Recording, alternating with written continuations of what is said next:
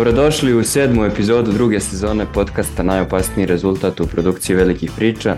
Ja sam Uroš Jovičić i bit ću vaš domaćin i u ovoj epizodi, a pre nego što najavim i moje sagovornike koji će sa mnom razgovarati o aktualnim temama, jedna zahvalnost i jedno podsjećanje za sve.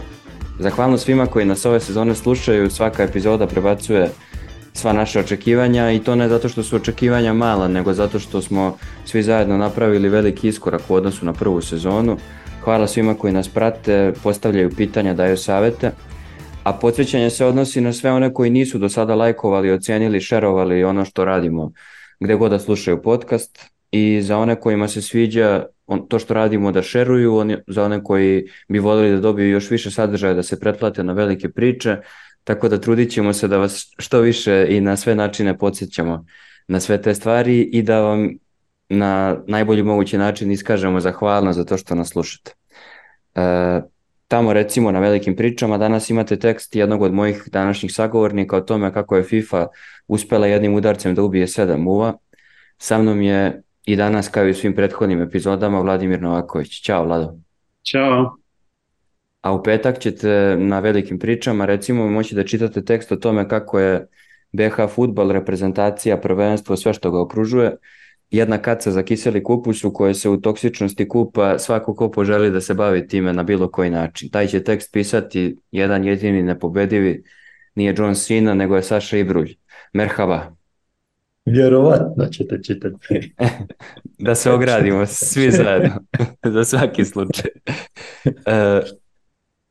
Da se unapred izvinim svim slušalcima zbog, zbog toga što ne snimam iz standardnog studija, snimam zbog nekih zdravstvenih sitnih problema od kuće, tako da zvuk neće biti dobar kao inače, makar s moje strane, tako da ću pustiti moje sagovornike da budu pametni kao što su lepi.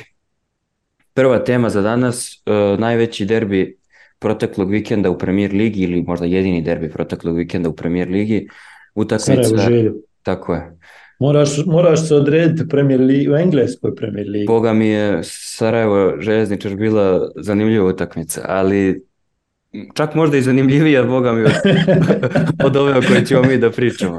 Pošto, Dobro, nisu baš postavili visoku letvicu ovi o kojima ćemo da pričamo, tako da... Pošto da. ovi o kojima ćemo da pričamo su stvarno odigrali jednu skromnu utakmicu, ali je ipak tema zbog toga što je Mikel Arteta konačno pobedio svog, svog učitelja, Arsenal je savladao Manchester City golom pred sam kraj utakmice Martinellija 1-0, pa hajde onako za početak prvi utici pa ćemo i uz pomoć pitanja gledalaca da, da prođemo kroz tu utakmicu, ajde Sale ti kreni.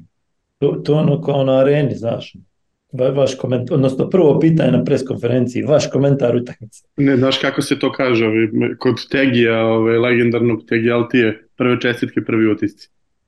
Ili, ili u moderno, sad pošto te Jeltija vodi košarkašku stranicu Partizana, on više ništa ne pita, samo stane ispred Željka Bradovića i kaže Barcelona, CSKA, Real, Armani. I to minimalizam, je to. minimalizam. A Željko mu svaki put odgovori, da, Barcelona i krene, da, Armani, svaki put. Tako da kreni sa City. Da, Arsenal City. Uh, znaš šta, ta neka, ta neka percepcija da je bila dosadna utakmica, jest bila dosadna utakmica kad gledaš s te strane, u stvari generalno kad, kad razgovaraš s ljudima koji nisu ono potpuno unutra što se tiče neke analitike i, i, i slično, kad pričaš o Arsenalu, pardon, o Manchester City, puno ljudi kaže da je to dosadno i negledljivo, bez obzira koliko oni gazili, pobjeđivali i šta god da radili. Međutim, s druge strane imaš onu strensku da kad se igraju ovakve utakmice na ovakav način, onda je to u principu dobra utakmica i savršena utakmica i zato ona izgleda tako dosadna. Jer sve ono što su oni isplanirali, odnosno što izgleda da su isplanirali, ono što su pokušali odraditi, odradili su skoro na najbolji mogući način i tako ponište jedne druge i dođemo do ovakve situacije gdje gdje se malo toga ima za vidjeti za nas koji smo ajmo reći to tako, neutralci koji bismo najradije da gledamo ono gore dole, gore dole, nešto što smo navikli, rekao bih, u tom smislu kad je u pitanju engleska premier liga. Međutim, ovo je bila utakmica između dvije ekipa koje su radile ono što su planirale jako dobro. Nije bilo glupih mnogo glupih grešaka, nije bilo mnogo ispadanja i onda ne može, ne može se ni desiti ta situacija da imamo gore dole, gore dole. I mislim da je e, posljedica dobrog planiranja i anuliranja jednih drugih, ovo što smo gledali, i u principu i da je završilo 0-0 i da je završilo 1-0 za City isti biti utisak bio na kraju i ono samo što, što, što, što je Arsenal dobio da nam dadne nekakav drugačiji narativ gdje mi možemo sada raspravljati o tome koliko je, uh, koliko je City ranjiv, uh, koliko im fali ovaj, koliko im nedostaje onaj, međutim kad uzmeš generalno ne mislim da je odrađeno nešto loše ni kod jedni ni kod drugih i da je zato ispalo ovako kako ispalo. Pa ja bih rekao da je početak utakmice prvih jedno 15 minuta, makar je moj utisak bio takav da je Arsenal ušao opet uplašeno, da je Arteta opet nekako precenio Guardiolu na početku utakmice. E, možda je tome doprinelo i to što Raja nije bio siguran, nijedna lopta, nekako Arsenal nije mogao da izađe iz, svojih, iz svoje trećine, tako mi je delovalo, ili nije mogao da izađe onako kako bi želeo.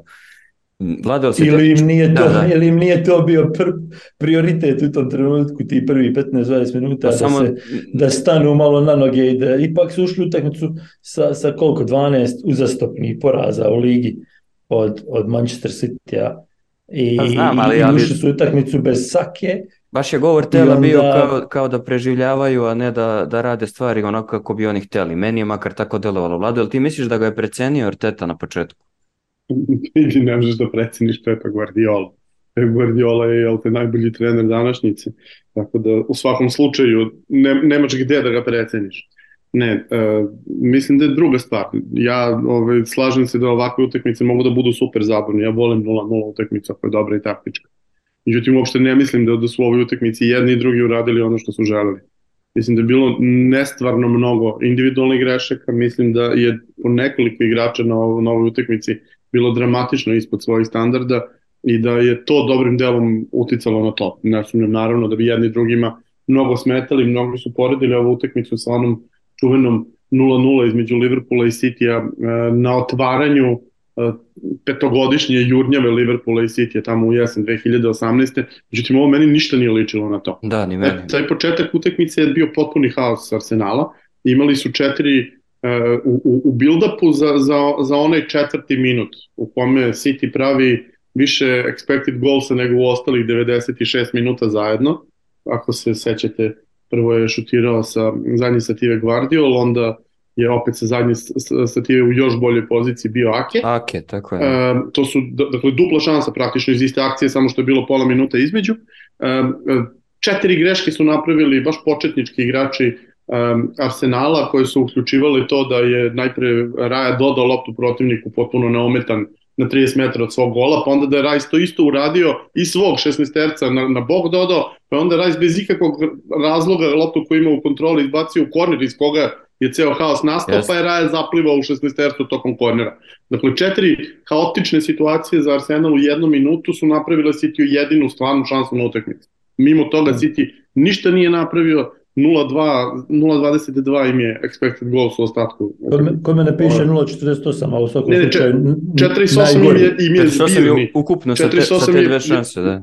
Je, je, je za, za celu utakmicu sa svim šansama, a o, o, više, da, da, od, više od pola je otpalo na, na, na, na tu duplu šansu, pri, pri čemu ja mislim da su tu uh, tebi ovaj, pojeli jednu od te dve zbog toga što postoji taj u, u statistici uh, kod nekih uh, izvora Uh, ukoliko se dešava u istoj akciji, oni računaju samo jedno, a ukoliko postoji taj, taj duži uh, period između, dakle tih pola minuta, uh, ovde su uglavnom računali obe. Dakle, i uh, ovaj, prvu, i, i prvi šut i drugi šut, iako su de facto došli u, u, u istih 25 sekundi. To je drugog ne bi bilo da je prvi bio gol. E, Ali... moram, moram samo sekund da te prekinem, imamo pitanje, Uno Signore ističe da je taj promašaj zapravo čovjek koji je postavio pitanje E, da je to taj problem, da, da, da, je, da je od tog trenutka da je Ake dao gol moglo da ode u potpuno drugom pravcu da bi se rasulo Arsenala verovatno nastavilo pošto su počeli loše i da su ga primili tako rano verovatno bi to izazvalo pro, velike probleme kod njih u nastavku.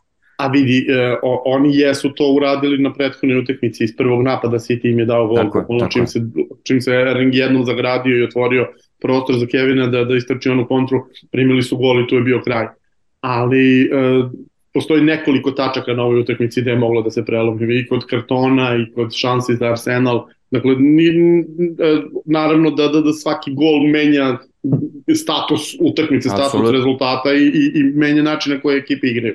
Ali šta hoću da kažem, da mimo, mimo tog perioda gde je Arsenal napravio gomilu glupih grešaka za jedan minut, City ništa nije uspeo da napravi. Dakle, apsolutno nije postojao u protivničkom šestistercu, ni blizu njega, što je opet posledica i izbora igrača, što je opet i, i posledica toga um, sa kakvim mentalitetom su ušli u utakmicu, što je opet posledica toga što uh, dugoročnih problema. Dakle, City je izgubio utakmicu protiv Wolvesa pre neki dan, dakle to je bilo pre koliko, sedam dana, dva, dva poraza u nizu, to se njima dešava jako redko, pet, pet godina nije, Ove, ali nije samo što je izgubio, nego što je u obe utakmice um, Bio bezopasan, ima- ja bih rekao. i bio bezopasan i uh, čak i tad protiv Wolvesa uspeo da uh, neutrališe, da stigne protivnika i posle toga mu je dozvolio da ga, da ga opet nadigra. Dakle. Ni, nije ovo samo rezultatski problem. City je gubio utakmice gde je bolji za, za tri gola od protivnika. Dešava se, svakome se to desi. Ali dva puta je bio slabiji tim od protivnika uzastopno i to je ono što što jeste zabrinjavajuće i postoji jasan razlog zašto je to tako. Dakle, imaš dva u vertikali njihovoj, dva najvažnija igrača nisu, nisu tu i to je nekako logično. Dakle, bez Rodrija, tri utakmice, dva poraza. Nikako slučajno, nikako neočekivano, svi smo računali sa tim da ako Rodrija nema da će se takve stvari dešavati, ali ovo, ovo postaje dosta drastično i um, um, pričat ćemo sigurno detaljnije o tome, ali mislim da da je to što se ovde u jednom trenutku um, ceo jedan deo teren, terena bio posvećen igračima koji su tek stigli u klub, koji još nisu stigli da se naviknu na, na Pepple stil igre, je rekao bih presudilo, jer to što su uz levu out liniju jedan do drugoga bili Mateus Nunez, ovaj, uh, Joško Gvardiol i ko je treći napred bio? Ko je još stigao sad u, u prelaznom roku? Pa ne znam koga misliš. Setit ću se. Uh, u svakom slučaju, njih, njih, trojica su, njih trojica su ispustila uh, svoju stranu na početku ključnog napada City, uh, Arsenala koji je doveo do gola. Dakle, to nerazumevanje ko treba na koga da iskoči, ko treba koga da, da, da, da, da, da preuzme, to se sada dešava uh, City, to se nije dešavalo prethodnih godina. Mm, meni je, da, da, meni je samo zanimljiva, zanimljiva ova priča, čitao sam nekoliko analiza da ljudi kažu da realno kada pogledaš... Doku, izvinjavam se, Doku je tako taj je, treći. ali Doku je ušao. Da, da, pa o, Kasnije, o, da, da. o ključnom golu pričam, o, o trenutku Da, da. kada primaju gol, ova trojica su na igračima koje treba da, Jeste, da jeste. pokrivaju i odakle kreće akcija. A Hmm. ono što sam čitao da, da ljudi pišu kao, kao ključne stvari, a realno svako od nas je to mogao da primeti, to je ovaj centralni deo veznog reda City-a. Tu su bili Rico Lewis, Kovačić, posle Nunjas, ja nisam siguran da na bilo koji način možemo da ih poredimo sa onim što bi bila prva postava City-a, u bilo kak, kako možemo u istu ravan da ih stavimo i većina je stvarno naglasila da je, da je izostanak Rodrija i svih ostalih igrača iskusnih pre svega u ovakvim utakmicama da je to ono što je nedostajalo uh, City-u. Kako tebi, Saša, izgledao City u tom centralnom delu veznog reda i ko misliš da je bio najslabija karika? Pa vidi, ja bih se opet vratio na ovo što smo pričali na početku. U principu jedni i drugi su ušli u nekom strahu. Arsenal u strahu od City-a generalno, a, a Guardiola u strahu od svoje ekipe bez Rodrija. Jer i, i, svi, svi, svi, svi, svi su ponavljali 5 dana, 10 dana da će biti problem to što nemaju Rodrija i bio je problem to što nemaju Rodrija. A, kako, kako uopšte nadoknati takvog igrača u ovakvoj situaciji ne, ne, nemam odgovor nema odgovor Guardiola pa nemam ni ja, ali očito da je, da je poenta bila nešto napraviti s Mateom Kovačićem koji je po meni odigrao dosta lošu utakmicu i da bio ta najlošija najlošija ovaj, karika i svemu tome. Međutim, generalno mi je djelovalo nakon tih, ajde, uhvatili ste se ti prvi 15 minuta da gazite Arsenala, a, ali nakon tih prvi 15 minuta rekao bi da je a, Arsenal ne samo uspostavio ravnotežu, nego da je imao nekakvu kontrolu na tom sredinom i da nije dozvoljavao uopšte da se, da se kroz te blokove prođe, da se dođe do zadnje trećine. I da je i s loptom i bez lopte, u stvari puno više bez lopte kontrolisao igru Manchester City je kontrolisao tu sredinu. Tako da mislim da je tu negdje otprilike bio taj, taj, taj ključ ovoga što sam ja govorio na početku. Jeste, u prvi 15 minuta a, smo vidjeli haos i vidjeli smo strah, ali nekako sam je očekivao da ćemo vidjeti taj haos i strah. I onda kad se sve to izbalansiralo, došli smo u situaciju da, da je Arsenal, neću reći da je bio bolji, jer u to ovako utakmici teško izdvojiti, ali da je imao, nek, da je imao da je bio zreliji nego u dosadašnjim utakmicama uh, sa, sa, sa Manchester City.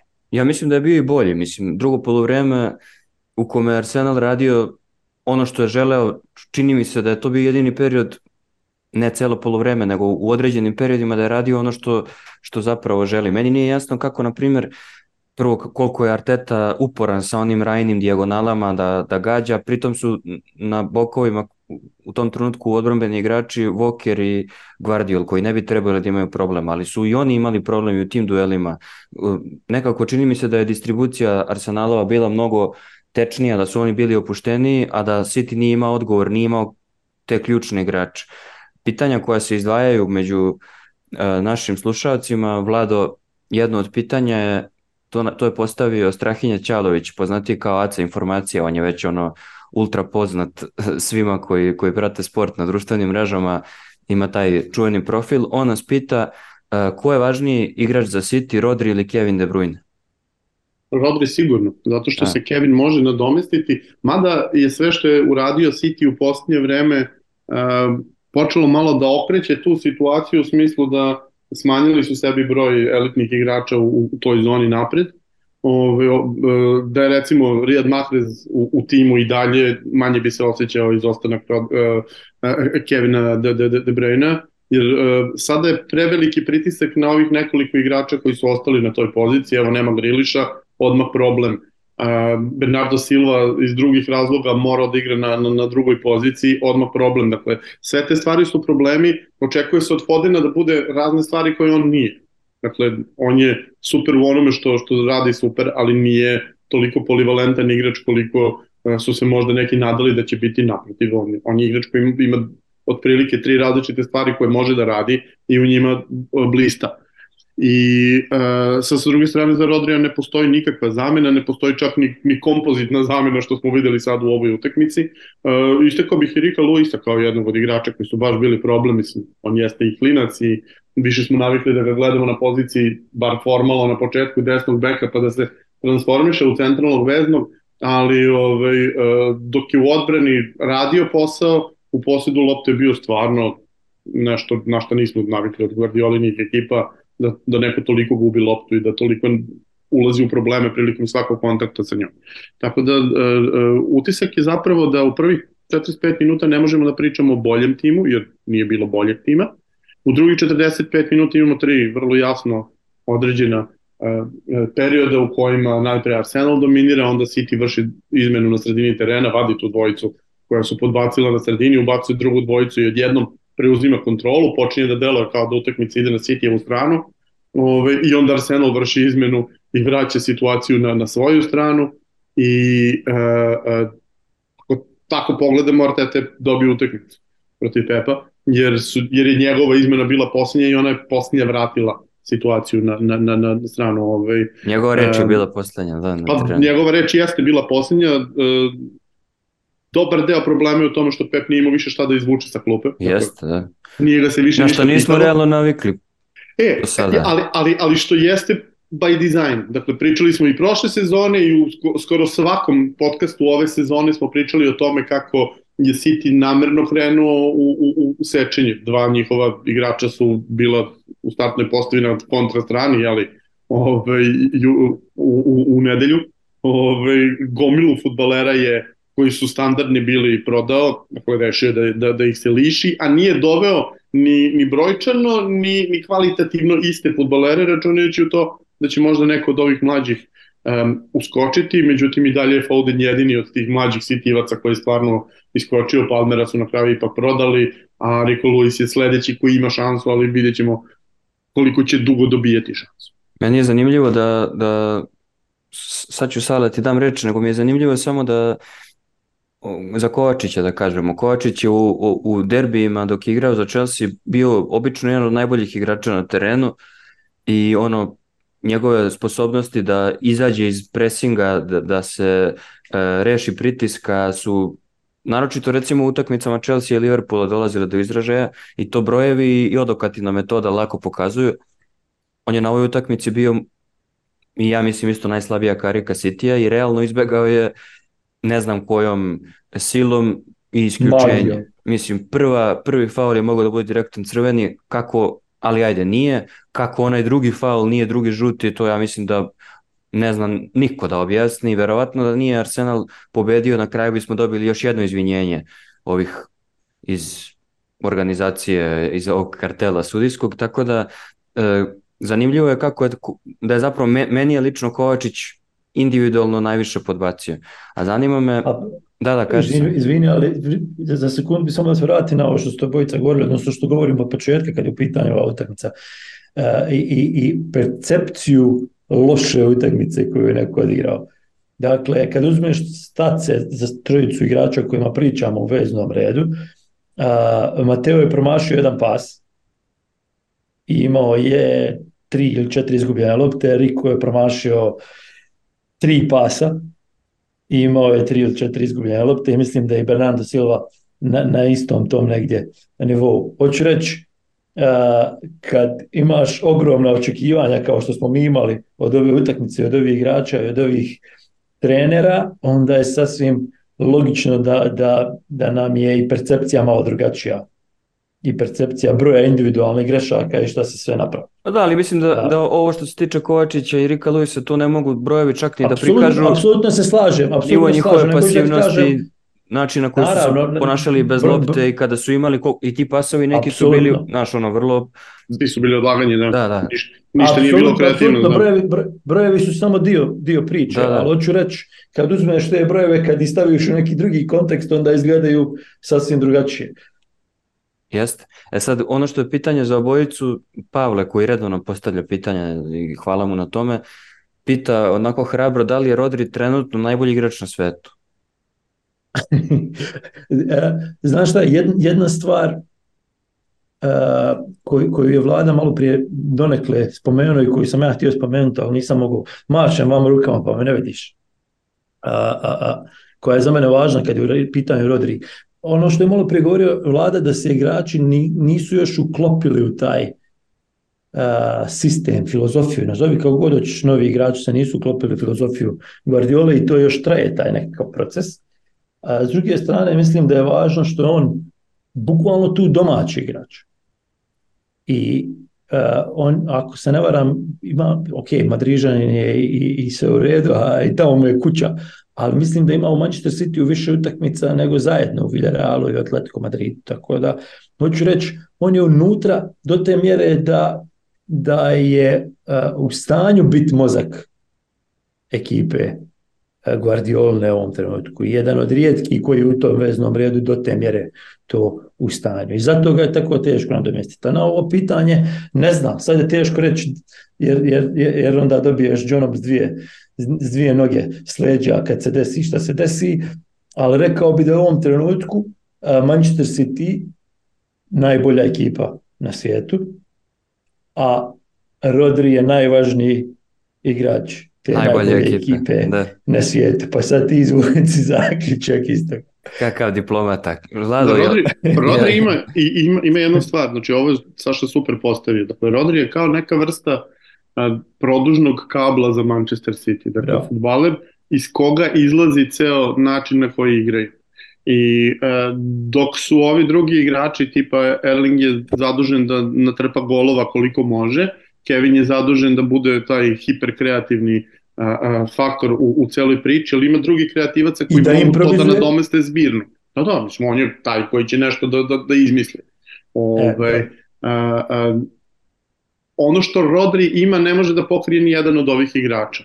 I to, to je ono što, što je zaista veliki problem. On je ogroman upgrade u odnosu na ono što je Fernandinho bio kada je bio City, jer je Fernandinho bio defanzivno oslonac, ali Rodri je defanzivno oslonac, ali ekstremno važan u ofanzivnom delu tima i povrh svega najvažniji za ono što je kod, kod Pepovog sistema najvažnije, a to je da, da, da, da pokaže na glavu i da, da smiri sa igrače kada, kada nastupi bilo koja frka. I sada mnogo, kao što rekao, mnogo, mnogo promene je bilo u ovoj utakmici, dakle Riko Luis je tek godinu dana od kako je počeo da igra u prvom timu, Kovačić igra pored njega, tek je stigao, svi ovi koji igraju uz levu stranu, već sam pomenuo, svi su novi futbaleri. E, City nije navikao na takve stvari. E, najvažnija stvar kod Pepa jeste to što Pep je u vodama u kojima nikada nije bio. On je zagazio u nešto što nikada nije uradio. On nikada nije uradio smenu generacije. On je došao u Barcelonu, ubacio je koga je hteo, izbacio, izbacivo je kako je hteo u odnosu na ono što je mislio da mu treba, ali to je generalno bila ista ekipa, dakle u srž ekipe je bilo 10 istih ljudi. Otišao u Bayern, potpuno ista priča. Neki su odlazili, neki su se čak povukli pod njegovim ali i dalje je to bila ista ekipa i onda je došao u City to isto, isto je presekao na početku i onda je gurao istu ekipu. Sad prvi put je u jednom klubu dovoljno dugo da mora da radi smenu generacije i ovo jeste stvar koju čak i neko na tom nivou, ne, ako nemaš iskustvo sa, sa tim pravi, uh, dešavat će ti se problemi. A onda kada ti se desi da ti dva najvažnije igrača u timu ne igraju u istom periodu i to ne kratko, to je tri utakmice u nizu, svašta može da ti se dogodi. Ali sve ovo što se nabrojao vlada, nameće se pitanje onda za tebe, je li m, prošla sezona, odnosno je li sve što je napravljeno do sad, je li Pep to segnuo vrhunac u Manchester City, je li bilo vrijeme da ode on? Ja, ja, naš, ono, meni se, meni se zapravo, da, da, pa, pa, ima te priče i za Klopa i za Pepa, oni su oročili svoj ostanak u svojim klubovima, pa su jedan i drugi rešili da ostanu nakon roka u kojem su uh, planirali da odu. I, I s jedne strane možda je trebalo da ode, ali sa druge strane mislim da je prirodno da neko koji je ostvario sve, koji je sa dva kluba osvojio sve, dakle sa Barcelonom šest trofeja u godini, sada sa City trebalo, ove, logično je da želi sebi da postavi izazov. Za njega je sasvim sigurno izazov to da napravi jednom negde rekonstrukciju tima pod svojom komandom. Dakle, ne da dođe, da, da otpusti komu se ne sviđa, dovede svoje, nego da i svojem isteruje e, jedno po jednoga da bi doveo drugi. Um, i, to je zapravo ono što je napravilo one najveće trenere najvećim trenerima. Nije uspeh Fergusona što je dva bio prvak Evrope, nego što je napravio pet šampionskih generacija jednu za drugom tako što je odvodio igrače i dovodio igrače. I ako hoće da, da stigne Pep zaista istorijski na taj nivo, mi ćemo da pamtimo na koliko je visok nivo na kojem su igrale njegove ekipe sigurno i koliko je on važan za uh, reinvenciju futbola sigurno, ali ga kao elitnog, elitnog super trenera ne možemo pamtiti dok ne odradi to. Uspeo sam da, da uradim rekonstrukciju i opet sam pobedio. Ja mislim da je on toga svestan. Da, da, da, da, sasvim sigurno je jeste. Jedna... I meni se, meni se njegov način ekstremno dopada, ma, na, na, način razmišljenja. E, jako mi se dopada e, što je e, više ne radi samo sitne prepravke u, u, u načinu koji igra ekipa, nego sada traži od ekipa da igra potpuno drugi tip futbola. Ove godine svi igrači koje, koje je doveo su, su elitni dribleri, E, prošle godine je doveo igrače za, za direktni stil igre, dakle sve, sve suprotno od onoga što, što, je, što se podrazumevalo kao Pepov stil igre, znači drži loptu do, do, do preko sutra serijom kratkih dodavanja. Um, i, i, I s te strane jako pozdravljam, jedva čekam da vidim u što će se ovo razviti i uopšte ne sumnjam u to da će njegova ekipa profunkcionisati kako treba. Meni se čak, ja sam i prošle godine imao utisak da je City dosta slabiji nego što je bio prethodne godine. I da je do, do svih um, trofeja stigao više zbog toga što su stvarno u istom trenutku imali smo Perfect Storm da tebi 6-7 ekipa uh, od, od, od 10 najboljih u, u Evropi je znatno ispod svog nivoa. Real koji je posle osvajanja titule on potpuno pao, otišao Benzema, Haas, dogodio Bayern koji je u nekom u, u nekoj rupi ne, neopisivoj Paris Saint-Germain koji se raspao, Liverpool isto koji je prošle godine igrao kako je igrao, dakle Chelsea da ne pričam. I odjednom je City ostao sam na, na, na visokom nivou dok su ovi svi ostali popadali i onda je logično da ove, lakše uspeo da, da, da osvoji treble a, ne, nego u nekim godinama kada su sigurno bili bolji, kao što recimo onaj period 17. 18. i 18. 19.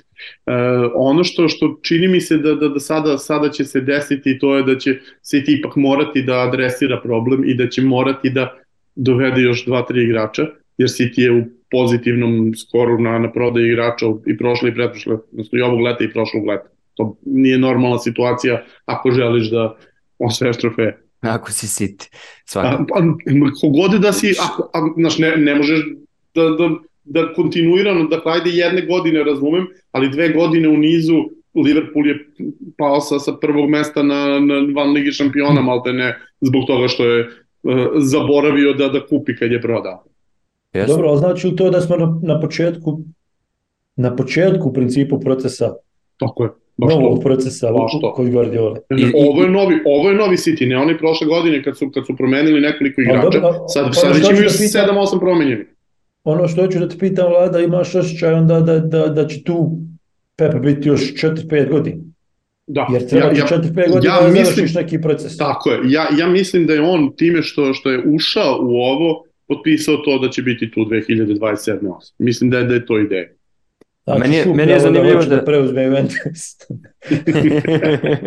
meni je zanimljivo da, da se to dešava zapravo sa dve ekipe koje su obeležile posljednjih pet godina u Premier Ligi da, i da je Liverpool, ovo što je Vlada rekao, obojica trenera su oročili svoj ostanak, a onda su odlučili da ostanu duže i obojice su ušli u proces da prave Liverpool 2.0 i City 2.0. Jer je to ideja bila. Da, dakle, ali, ali onda ako, ja ako ostaješ, pitanje... moraš da radiš rekonstrukciju. To je to kao posljedica svega ovoga što smo ispričali, imam pitanje za vas dvojicu, obzirom da vi navijate za a, tradicionalno najveće klubove u Engleskoj. Ako se ovaj proces nastavi kroz narednih pet godina, i ako stvarno Pep, ljudi, ja?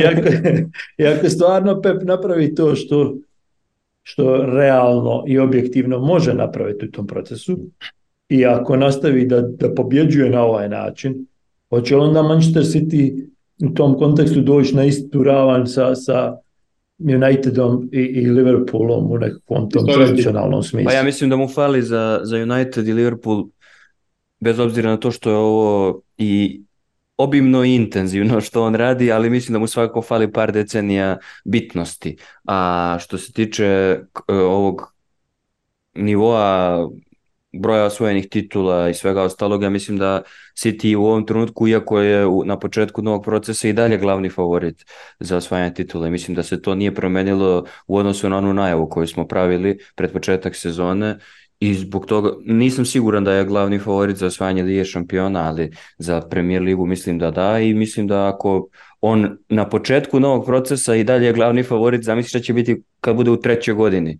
tog procesa, to će onda biti to je, hoću da kažem. vrlo neprijatno. Dobro, ne govorim, ne govorim u istorijskom kontekstu u smislu veličine kluba, jer tečko se City može nositi sa veličinom koju imaju Liverpool i Manchester United, ali više mislim u kontekstu uh, futbalske veličine, u kontekstu da, to svakako, onoga što je napravljeno na terenu. Tako je, da, to svakako. Pa, e, Liverpool ima kako beš 11 u, u, u 17, znači od 73. do 90. 11 titula. United ima 13 od 93. do 2013.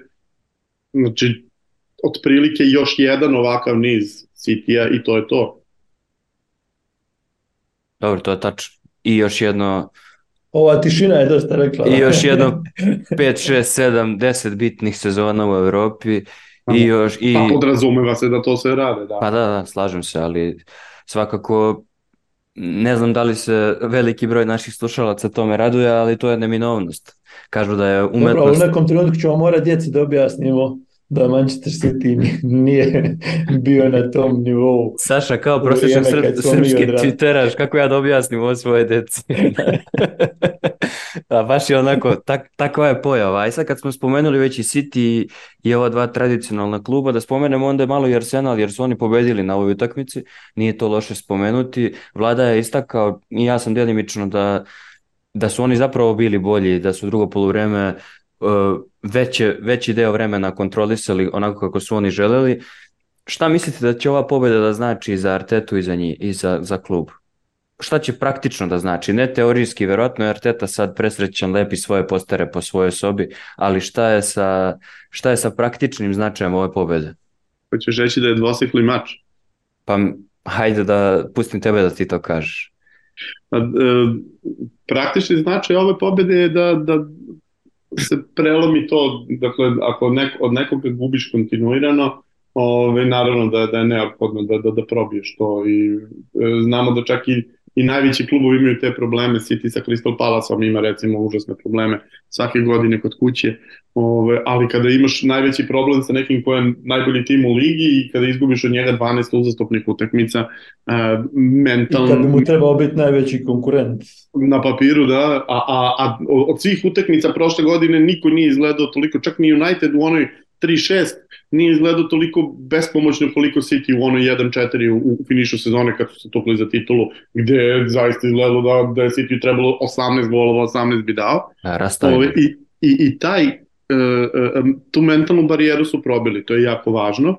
Ove, za njih je sada, čini mi se, najvažnije da razumeju koliko su ovo probili svojom zaslugom, a koliko su probili sticam okolnosti, to je protivničkom zaslugom. Dakle, City je odigrao utakmicu koja je slaba uh, mimo Arsenala. Arsenal ih jeste zatvorio i da odradio dobar posao u odbrani, ali su i mimo toga City igrači pravili greške kakve obično ne prave.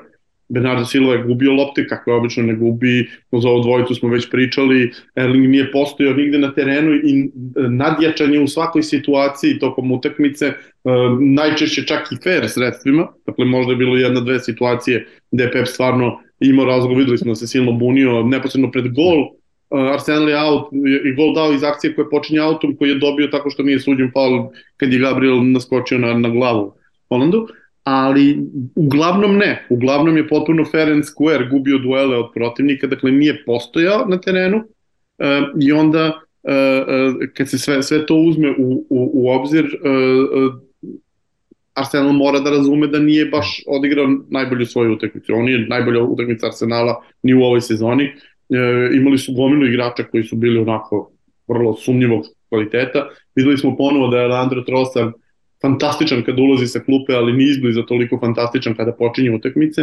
E, I mislim da, da to nije pitanje e, fizičke, e, e, fizičkih mogućnosti kako je sa mnogim igračima tipa Eriksen mora da uđe sa klupe da bi mogao da se nosi sa igračima jer posle bliskog susreta sa smrću nije više fizički elitan. Ove, nego je više mesijevska stvar. Mislim da, da Trossardu prija da gleda kako igrači igraju i šta se događa na terenu da bi mogo da se privikne i da posle toga dominira. E, mislim da je Gabriel Jesus i na poziciji na kojoj je igrao i generalno ekstremno podbacio. Ove, mislim da je Enketija silno podbacio uh, u situacijama kada Arsenal bio u posjedu, ne toliko u situacijama kada nije. I, i uh, zapravo su tek tek situacija kada je Pep počeo da vrši, kada je e, Arteta počeo da vrši izmene na poluvremenu, promenila utakmicu. Dakle, dobio mnogo direktnijeg uh, Martinellija na terenu, koji čak i kada nije 100% spreman, bar ako ništa drugo vezuje najozbiljnijeg City-evog igrača u odbrani, a to je Kyle Walker. Kyle Walker to, to smo videli kod situacije kod gola, gde je on praktično ostao sam zbog toga što što je Walker morao da popunjava greške svojih saigrača koji su putili dvojicu da im se ušetaju jer su se Ake i, i, i Ruben Diješ gledali i zaleteli na futbolera koji ih je odvukao. Ove, I, um, dakle, Arsenal je odradio mnogo sjajnih stvari ovde, Arsenal je uradio solidnu dozu problematičnih stvari, Raja je, pričao si sam, imao neke čudne odluke u prvom polovremenu, grešio je uh, i kod izletanja i kod dodavanja, uh, Rajs je u nekoliko navrata pogrešio, na što nismo navikli na ovom početku sezone, i uh, za njih je najvažnije da razumeju da odavde moraju da idu na bolje. Ne nužno da im to, neće im to nužno biti neophodno za osvajanje titula, ali ako hoće da u kontinuitetu rade stvari, moraju da poprave igru i u odnosu na ovo. Sale, odgovori mi se da ili ne. Da li Arsenal poverovao da može da osvoje titul? Ja mislim da jeste. Ali, ali donekle bi se nadovezao na ovo sve što je govorio vlada, jer ono što je vlada uradio u principu pobrojao negativne stvari koje smo mogli izvući iz ove utakmice Arsenala.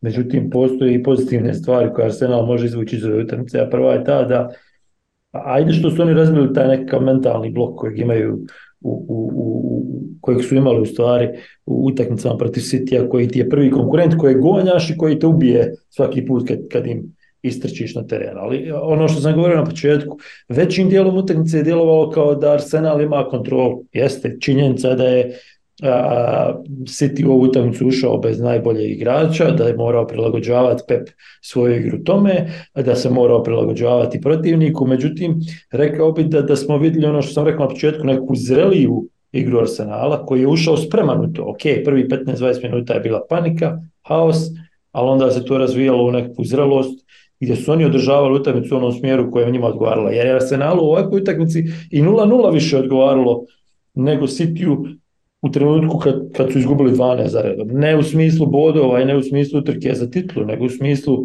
psihološkog nekog samopoštovanja u kojem Da, samo poštovanja, dobro si to rekao. Tako da, hoću reći, uh, oni, oni će sasvim sigurno iz ovoga izvući pozitivne stvari na principu da uh, City je najveći nivo na kojem se možeš izmjeriti. Znaš, oni su prije 4-5 dana izgubili utakmicu od jedne od najlošijih trenutno ekipa francuske lige i onda sad su došli u situaciju gdje su igrali sa najboljom ekipom na svijetu i smjerili su se sa najboljom ekipom na svijetu i dobili neke rezultate koji uh, ne smiješ uzeti nerealne, nerealan, nerealan način i ne smiješ ih pogrešno analizirati, ali koji su ipak pozitivni za njih. A to je da su, da su bili ne, neravnopravni, nego da su našli odgovor na ono što je Manchester City htio da odigra, jer oni jesu anulirali Manchester City u, u 70% utakmica, da tako kažemo, jer City ništa nije napravio i opet kaže ovo je utakmica u kojoj najgori XG City od kad je Pep došao, najmanje nisu imali nijedan udarac, Haaland nije imao nijedan udarac, onda si imao situaciju da je Saliba odigrao odličnu utakmicu i potpuno zatvorio Znači nije, dao, nije, nije napravio nik, nik, nikakav prostor za, za Halanda. Naveo si da je Rajs imao nešto grešaka, ali je Rajs odigrao opet sasvim solidnu utakmicu, iskontrolirao sredinu i to da, su neke možemo da- pozitivne da, stvari možemo da kažemo koje oni da, mogu izvući i, i ja vjerujem da će da imaju sutra kad dođu, eto, kad dođu sutra, kad, ako stave na pravi način te pozitivne stvari na jednu stranu i negativne stvari na drugu stranu, onda Arsenal stvarno može puno dobiti iz ove utakmice. Da, ja, ja sam uveren u to da postoje da ono postoji konto i negativnih i pozitivnih strana i da, će, i, i da će Arteta to dobro sagledati. Mislim da on nije nerealan u tom smislu da se sad zalepi za ovu pobedu, iako ja mislim da njemu to lično znači više nego znači bilo kome ali, ali mislim šta. da je Arteta dovoljno svjestan toga da, je, da su prošli 12 izgubili. I Ma da znam da je svjestan. sezone svaku izgubili. Razumiješ što ću da ti kažem? Da, da, okay, ja. Sasvim sigurno da njemu znači ovo, ali, ali vjerujem da će biti u stanju da stavi na papir i, i ovo što je vlada nabrojao i, i ovo što smo sad nabrojali. I zbog, da zbog, dinamike, zbog dinamike njihovog odnosa ovo je ekstremno važna utakmica za, za Artetu, jer, baš zbog toga što je bio asistent Pepo. E, čisto ne bih želeo da budem pogrešno shvaćen, ja mislim da je za Arsenal ova utakmica bila spektakularna na mnogo načina samo hoću da na početku sam izdvojio ono što sam izdvojio da bih objasnio da je mnogo važno da se ne poleti sada i da se ne misli wow, uništili smo City. Ove, ali je na mnogo načina prvo to što su bili bolji tim de facto na terenu tokom većeg dela utakmice i e, što su psihološki uspeli da, da, da prevaknu to, dakle u trenutku kada je City preuzimao kontrolu, e, ne samo Arsenal, nego većina klubova ima, ima problem da se vrati iz toga.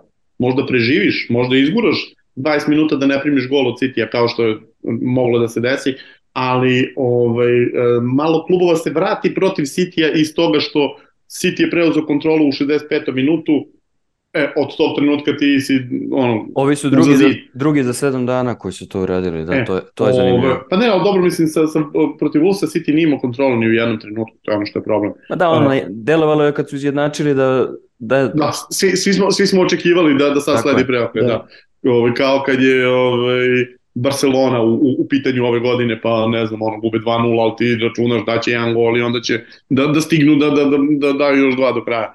Nego je uh, za, za City rekao bih da je za, za Arsenal mislim da je u ovom trenutku najvažnija stvar to je što su pokazali da, da mogu da imaju um, znači, jedna stvar kada mentalno slomiš United, jer United je sklon padu ali druga stvar je kad mentalno na kraju utakmice slomiš City na, na prostom voljom. Nije ono bio čak ni dobro organizovan napad, nije ono bilo ni, e, ni dobar šut, ništa nije bilo Ma da, wow. ugurali su je u gol. Ali, ali, ali Liverpool je e, Liverpoolu je to uguravanje lopte u gol donelo da, da bude ne na 88 nego na 98 bodova i da se juri sa, sa Cityjem tri godine. Dakle, to što kad ne znaju kako drugačije šutnuće 20 puta, odbiće se lopta dva puta u gol, jer to je normalan deo futbolske igre.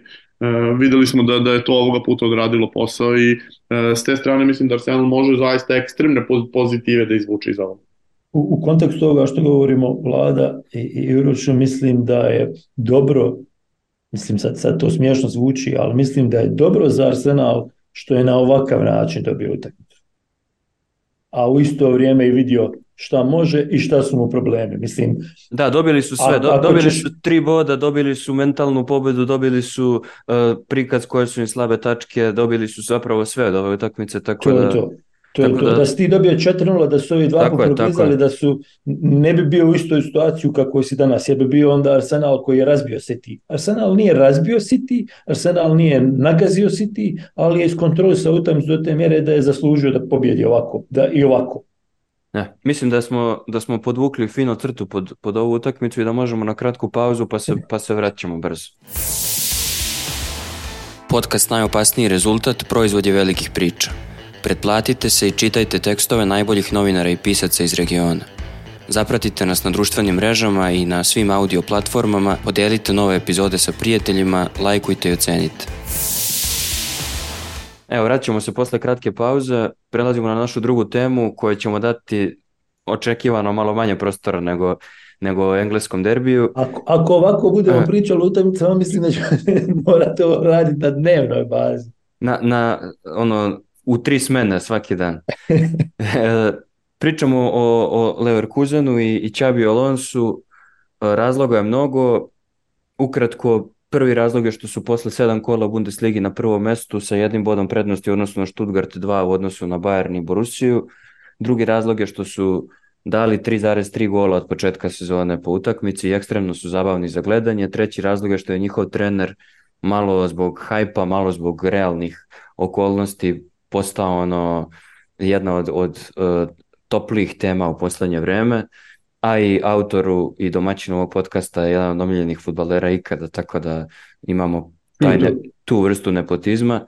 E, ono što me zanima, kako tebi e, Vlado izgleda Leverkusen od početka sezone i, i misliš li da je ovaj hype oko njih izgrađen na nečemu realnom ili da je to ono klasično kao što se dešava u, u mnogim drugim situacijama da neka ekipa prebaci očekivanja pa da krene pad. Samo kratko pre nego što kreneš, baš sam gledao, mislim da je njima zbirni expected goals 18, da li su u ligi 20, da li, da li su 29 i oni i, i Bayern, oni imaju nešto bolji XG od, od Bayerna, čini mi se zbirno. Uh, u svakom slučaju, ne deluje mi da su nerealno, znaš ono, u 98. minutu odbica, uh, imali mnogo lak raspored, pa im se sve namestilo perfect storm, nije, nego deluje... Pogodilo nekoga u glavu. Da, de, deluje mi da, da je ovo nešto realniji, objektivniji rezultat. Kako tebi, Vlado, izgleda? Da, ne, nemaju 29, imaju po 23 gola i to je onda samo ne, 5 rač, i po... Računao sam i, i A, i ostalo takmičenje, da, da. Da, po šest su dali. O, tako je. Um, ima, ima to, mislim, totalna dominacija u smislu da su 10 utakmica odigrali jedno nerešeno protiv Bayerna u gostima i 9 pobedili.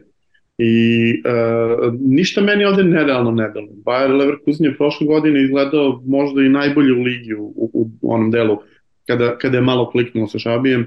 Na početku sećaju se mnogi, verovatno oni su bili u zoni ispadanja, onda ih je on pokupio i doveo ih do situacije da prvo su skupili, ako se ne vrem, čak i više bodova od kada ih je on preozeo nego bilo ko drugi u ligi, ali ne samo to, nego generalni utisak oko njih je bio fantastičan i onda su odradili jedan spektakularan prelazni rok gde su doveli četiri igrača a, a izgubili de facto jednoga. Dakle, za Diabija su uspeli da dovedu i, i fizičku zamenu u vidu Hopmana i e, Boniface-a kao nekoga ko hoće da drži vodu dok se Šik ne vrati, pa gle šta se dogodilo. E, i, do, I verovatno doveli su Stanišića da im bude tu kao neko ko će da im produži rotaciju, jer oni sad već imaju ozbiljnih, rekao bih, 19 igrača za rotaciju. Iako to po startnim postavom u ligi ne biste zaključili. I uh, ono što je verovatno najvažnije, doveli su Granita Džaku ispod svakog žita na svetu, gde je on mogao da ostane u Arsenalu, da se Arsenal i malo potrudio, ali Arsenal je rešio da odradi, mislim, logično ono što je Arteta uradio, a to je krenuo u hodu da igrače Arteta je odlučio da uzme vreme... boljeg i mlađeg da, umesto lošijeg i starijeg. Jeste, ali ovaj, često moraš da vodiš računa da možda još uvijek nije vreme zato što on može da ti bude koristan u jednoj dugoj sezoni. U svakom slučaju i za Džaku je to super zato što je umesto da sedi na klupi ne znam, 280 od 360 minuta ovde igra sve vreme. I, a, a vreme mu je da igra. Sada, ako, ako bude sad prestao da redovno igra od, od onu penziju za dve godine. I, I sve se poklopilo i sjajna izjava njegova da zapravo super mu je zabavno u ovom timu, što je s druge strane indikativno, pošto mu izgleda u prethodnom nije bilo toliko zabavno. Mislim, sigurno mu često nije bilo zabavno šta mu se sve dešavalo u Londonu. I, um, šta je on sve radio u Londonu, da se ne laže? Da, i to. Sve se, sve se nekako poklopilo, a najviše se poklopilo ono što se dogodilo sa Bonifaceom, jer Boniface je već tu negde po broju golova na onome što je uradio u Belgiji prošle godine za celu sezonu. Mislim, ja sam njega gledao ovde svakog vikenda i svake sredine nedelje i on je um, bio neko ko je onako veoma koristan futbaler, ekstremno upotrebljiv za različite stvari, momak koji je mnogo više od strelca, ali nije bio baš nešto wow strelac. On nije uspevao da postigne u svim takmičenjima zajedno 20 golova po sezoni ovde, niti je u, u Bude Glimtu to radi, ako se sećate u šampionskoj sezoni Bude Glimta, dakle njegov jedinoj full zdravoj koji je proveo u Norveškoj, onoj prvoj šampionskoj sezoni, on je dao 30 golova manje nego prvi strelac Kasper Juncker i manje golova čak nego Sinker Nagel koji je stigao da napravi 20 plus asistencija za to vreme. Dakle, nije čak bio ni u tim trenucima neko oko koga se vrti, pričamo o momku koji je proživao dve, dva pucanja ligamenta na, na istom mestu i nadam se da, da je to bilo samo zato što se u Norveškoj igra na plastici, a, a u ostatku Evrope na travi, pa se to više ne, neće događati. E, vidjet ćemo kakva će biti dinamika sada, jer njima sada sledi najkompleksnija stvar na svetu, a to je vratiti Patrika Šika u tim. Dakle, ne možeš da ga držiš na klupi, a ne možeš ni u ovom stilu igre da ga držiš na terenu, a ne možeš da pošalješ na klupu Boniface posle ovakvog početka sezone i uh, vidjet ćemo koliko je uh, Šabi u stanju da još jednom zarotira celu taktičku koncepciju svoga tima koja je do sada delovala fantastično. Ali za sve ovo što su do sada uradili je zaista bilo sjajno i lepo si rekao, ne samo što je korisno, ne samo što su dali mnogo golova, primili malo golova, igrali su fantastičan futbal, zabavno je, uživanje je gledati ih za razliku od većine Bundeslige. Od, da, od većine klubova tamo, možda da. i od, svakako su zabavniji od svih, ali... Ne, od, od, od, od ovih gore, mislim, ja, ja Dortmund jedva gledam zaista, Bayern neću ni da pričam, čak ni Leipzig više ne može da se gleda kako treba. Ove, a, a hoću ali... Sale, te samo da pitam, Sale, kako tebi izgleda, uh, sad Vlada ga zove Šabi, ja ga zovem Čabi, naći ćemo se negde na sredini, kako tebi Alonso utica izgleda uh, na, na ovaj tim. On on je uzeo tim, čini mi se, kad su bili 17. dovukao ih do šeste pozicije i onda posle napravio iskorak u, u narednom periodu. Sad ih je doveo do, do toga da pobede devet utakmica, jedno odigraju nerešeno. Kako ti vidiš direktan njegov uticaj na tim sada? Ja ću biti iskren s tobom, Uroš, i sa slušalcima. Moram priznati da Bundesliga je daleko od prioriteta mojih interesa u zadnjih nekoliko sezona. Je nekako konstantno, znaš, pada niže i niže i ovo što ste mi malo prije nabrajali, teško je gledati neke utakmice i teško je izdvojiti vrijeme u, u današnje vrijeme kad imaš apsolutno sve da gledaš. Ili ako imaš recimo sloga doboj gošku isto vrijeme nema šanse da ćeš okrenuti na, na Dortmund, da šalo na stranu, stvarno, stvarno nekako na konstantno pada na listi prioriteta Bundesliga i ako pogledaš neku utakmicu, ajde ono više da nekakve atmosfere i nekog tradicije, daj derbi ovaj, daj derbi onaj, mada i to češće ćeš sad u Cvajti naći pravi derbi nego, nego u, u, u Bundesligi. A, tako da ne znam koliko mogu biti nekakav a, benchmark da, da napravim nešto, ne, napravim neku, neku a, pravu uh, usporedbu onoga što je Leverkusen bio prije Čabi Alonsa i bio što je, što je posle Čabi Alonsa. Međutim, činjenica je da čovjek radi odličan posao, činjenica je da, da je došao u klub koji a, zna da se ponaša s takvim trenerom, zna da mu a, prepusti a, koliko toliko da, da radi taj posao kojeg je on zamislio. Ja se sjećam tamo negdje možda je to bilo 2019. od 2020. više se ne sjećam se, uglavnom sjećam se nekog razgovora sa Mehom Kodrom koji je legenda Real Sociedada i koji je svoju karijeru počeo trenersku tako što je zamislio da u jednom trenutku bude trener Real Sociedada, jer naš nekakav prirodan prirodan razvoj situacije. Međutim, kad je, kad je Alonso preuzeo B tim, otprilike on rekao nešto u smislu ne ide, ne, neću dobiti tu šansu jer vidim šta ovaj čovjek radi i kako radi na kojem je on nivou. Znači to je, to je očito, to je očito nešto što je dio njegovog talenta trenerskog, da tako kažem, i uh, priliku da radi u ovakvom klubu gdje nema pritisak kako bi imao na, drugim mjestima i gdje se može stvoriti ovakav hype Da, oko to je, njega. to je dobar šlagvort jer priča se sad da ga da će da ide u Real, da ga traži Real i tako dalje. Ono što mene zanima iz tvog ugla e, koliko bi to bila ako je realno i ako se ako postoji takva opcija, koliko bi to bila dobra ili loša odluka za Alonso. Dobro, jel pričamo o, La, o La Realu ili o Madridu? To je razlika u pitanju.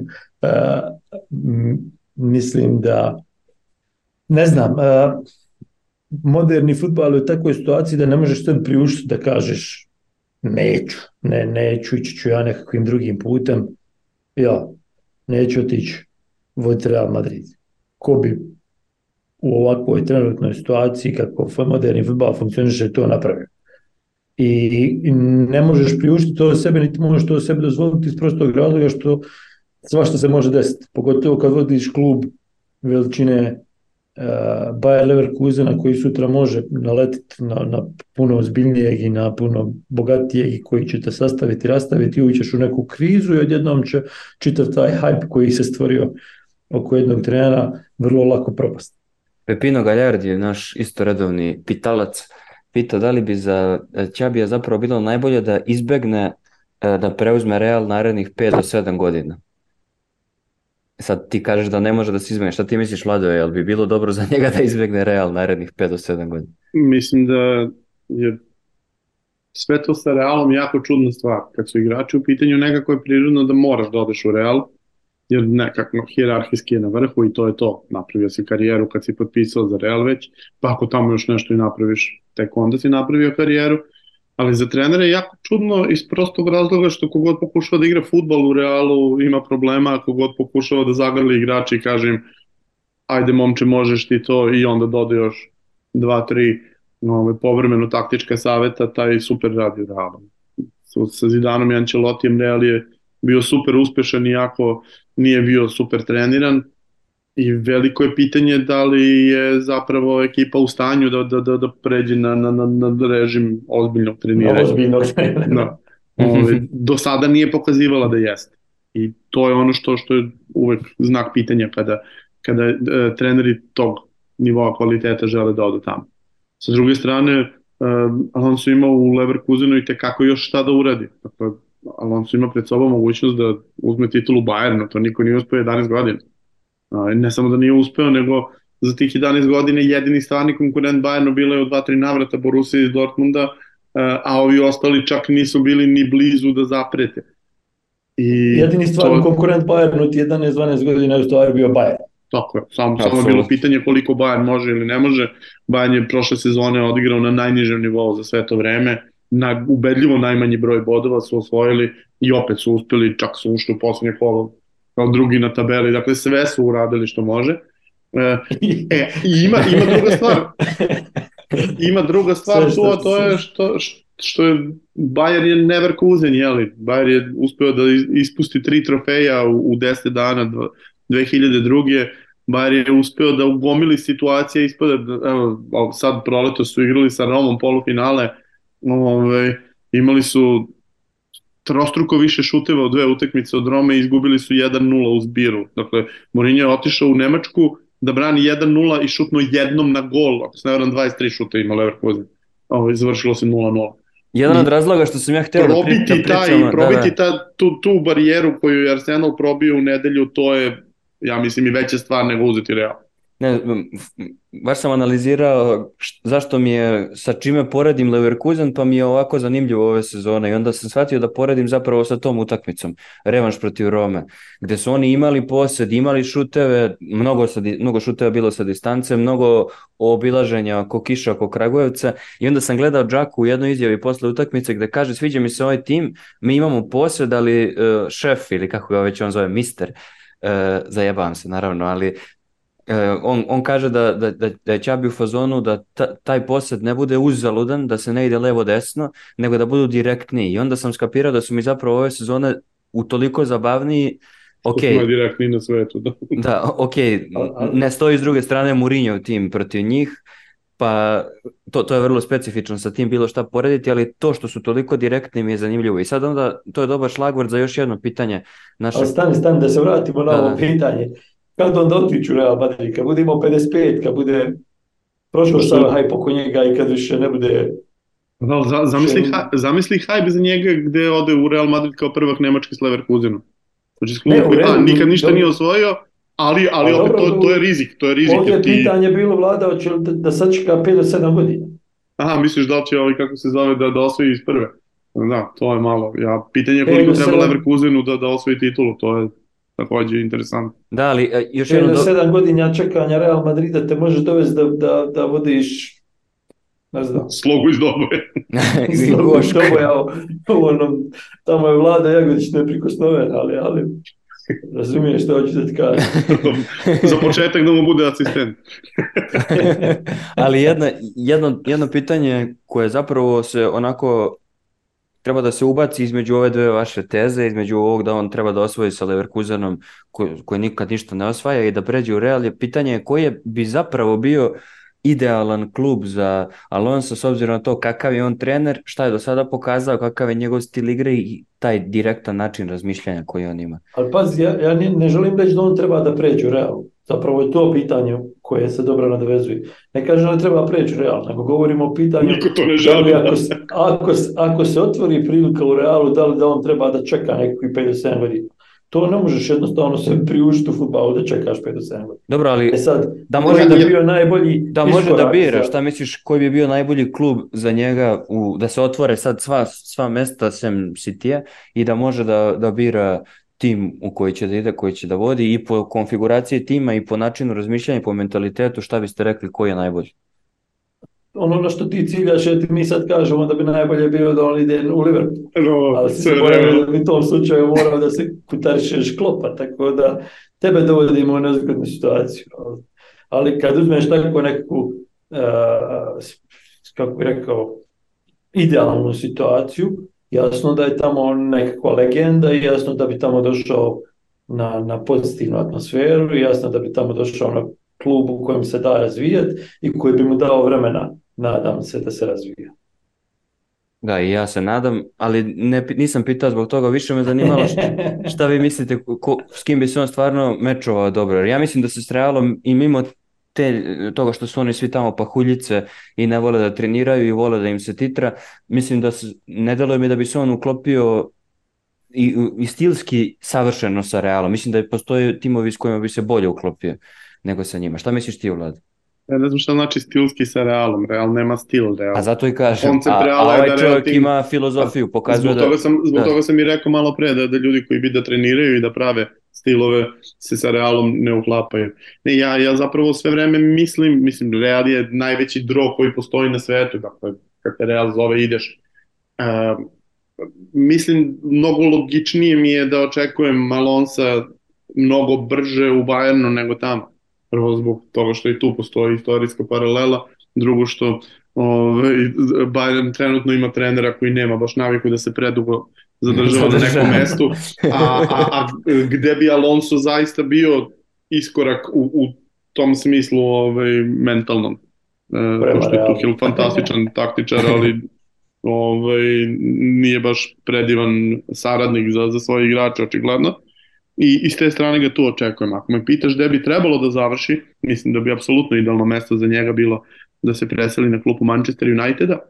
Ove, ovaj, čak postoji istorijska paralela, Matt Busby, bivši futbaler Citya i Liverpoola, je čovjek koji je izgradio moderni Manchester United, tako da ove, ovaj, nekako mi sve to klikće ove, logično, a i moram da kažem, e, ekstremni sam fan Firmina, ekstremni sam fan Andy Robertson, ali moj omiljeni igrač Liverpoola svih vremena Xabi Alonso i apsolutno mislim da je super legende, mislim da on bio ubedljivo najbolji igrač ekipe u vreme dok je igrao tamo baš onako sa ogromnom razlikom u kvalitetu u odnosu na ostale.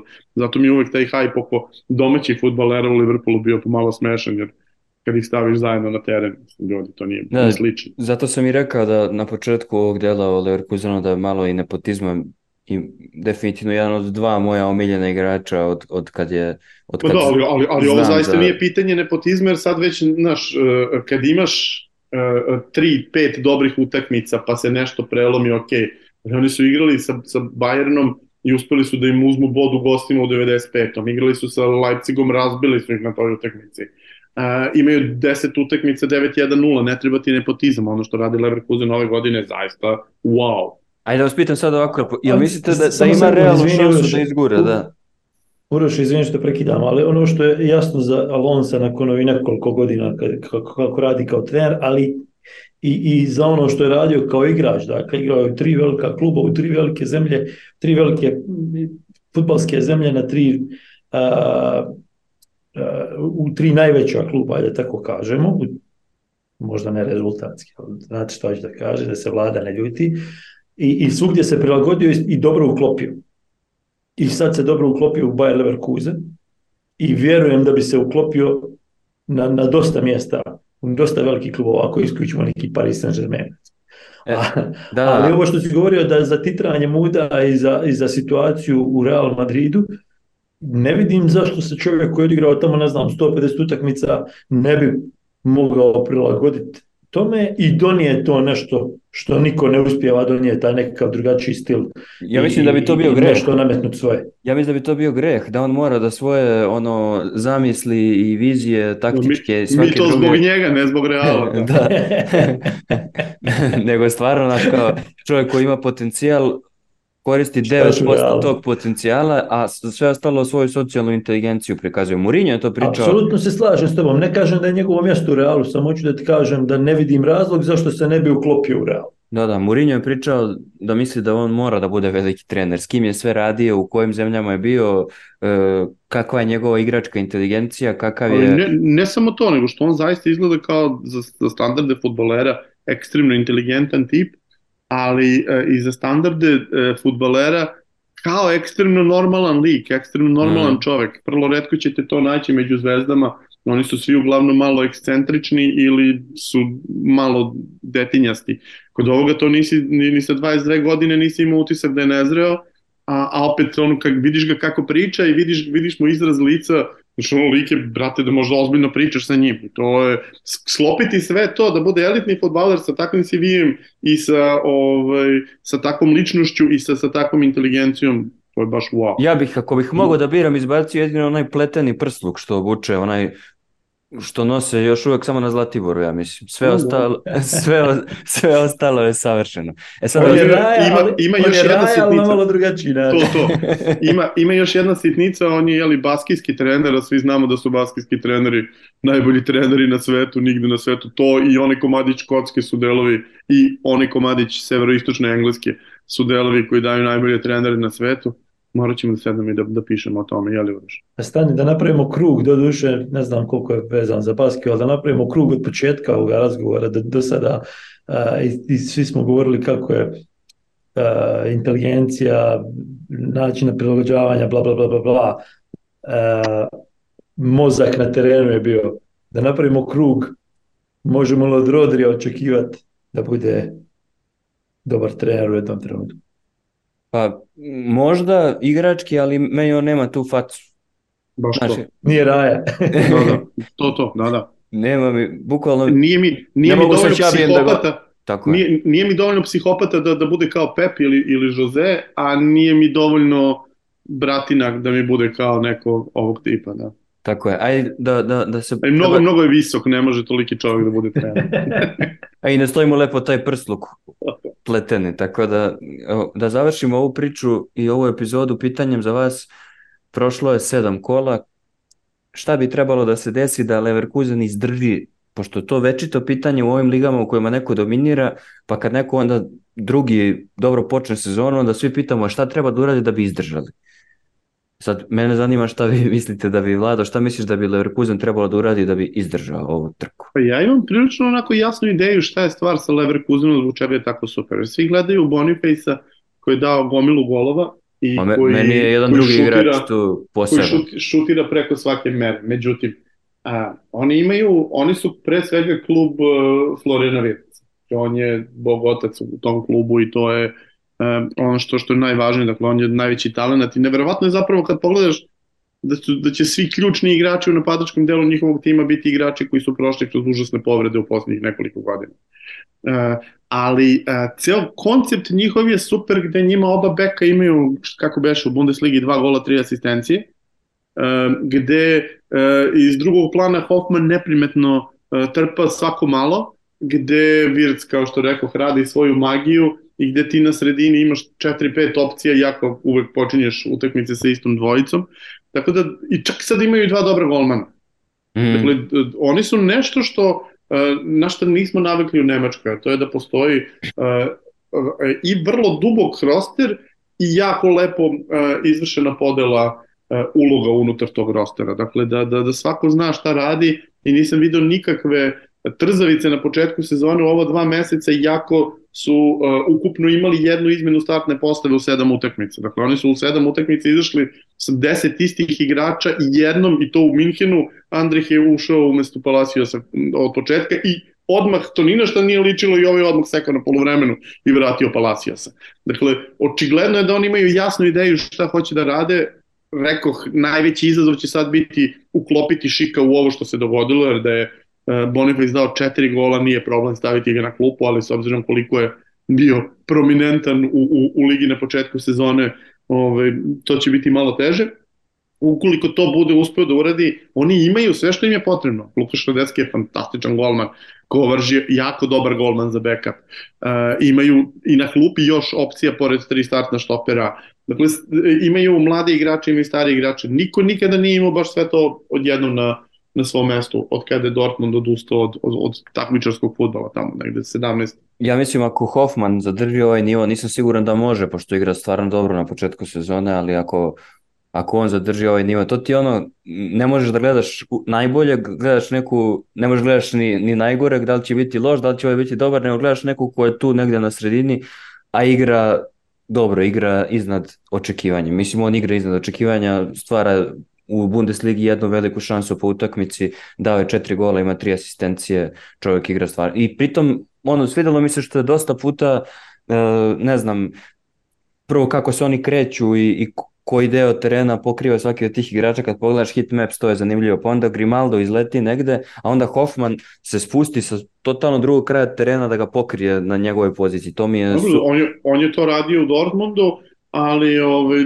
ono što je on radio u Gladbachu u onom haosu jest, od, od kluba je zaista bilo neverovatno. Zaista igra fantastičan futbol svih ovih godina, iako je bio u možda i najnestabilnijem klubu Bundeslige. Od ovih koji imaju nekakvu nekakav potencijal, ne računam ove koji su se samo uništili pa i nekako da izađu iz blata, tipa Stuttgart ili Kjelm. Ove, ovaj, Dobro, ovaj podcast a... zapravo zaokružuje priču o, to, o, ajde, o dva baskica, o, o tome koliko je bitno prilagođavanje i mozak na terenu i o tome da o, zrači nekom, nekim optimizmom da bi možda jedan od dva ova totalna a, monopola mogao da bude prekinut. I da ili to, oba. ili oba. I da to urade o, ili baš, oba. baš dva ili baskijec. Ili nijedan. Nešto od ta tri, sigurno. nešto će biti od toga. Sto Kao nadrealistika, nešto od ta tri mora da se desi. Tako da mi, mi, Što bi rekao srpski ovi narod, možda bide, ali ne mora da znači. Tako je, mislim da, da, da, da time treba i da završimo ovu epizodu, da se zahvalim još jednom svima na slušanju, da vas pozovem da lajkujete, ocenite, šerujete, da se pretplatite na velike priče, da čitate tekstove naših autora na velikim pričama. Zanimljiv će vam biti i tekst Mihojla Topića o Haalandu, gde sam stavio provokativan naslov da je Erling Haaland običan fah idiot. Ja sam ga izbacio iz timu fantaziju, pa ti vidi i vidi kako mi je prošlo pola. Mihovila ili Erlinga? Ja, deset, ne, ne, Erlinga. Zato što treba, je... treba ovde, ovde podvući da slušalcima, gledalcima šta su već da, da Uroš stavlja naslove, da ne stavljamo mi naslove. Tako, tako je, tako je, to je najvažnije. Kad, to je, kad to se je dešavaju i clickbaitovi nije do nas, nego i do njega. Tako. Čak, čak i, i kada nema nikakve veze naslov sa onim što piše. Da, to, to sam, Dajme reći samo šta samo da, za reputaciju. Samo da vam naglasim, to najčitaniji vladin tekst na sajtu Veliki friča je o fantaziju, jer ljudi vole fantaziju, ali da sam stavio naslov koji e, Ima veze sa fantazijom. koji ima veze sa, Sa- sa tekstom, da. sa tekstom. Ja sam siguran da niko od, od čitalaca ne bih, ne, ne bi kliknuo da ja ne bih prvi, da sam običan fan uh, Pritom- fanta, fantazije. Pritom sam, sam neposredno posle tog teksta ušao u najbolji početak sezone u karijeri. U jednom trenutku sam bio top 15 u Belgiji i ovaj, top, na primjer, 2000 na svetu.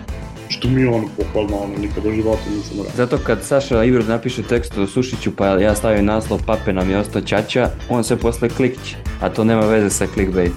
Malo i sa talentom, znaš. Vežbamo se. Hvala vam što ste bili sa mnom i ovog utorka. Čujemo se sledećeg utorka ponovo. Vama svima hvala što ste nas slušali. Pratite nas na velikim pričama, na svim audio platformama i uživajte uz najopasniji rezultat. Ćao ljudi.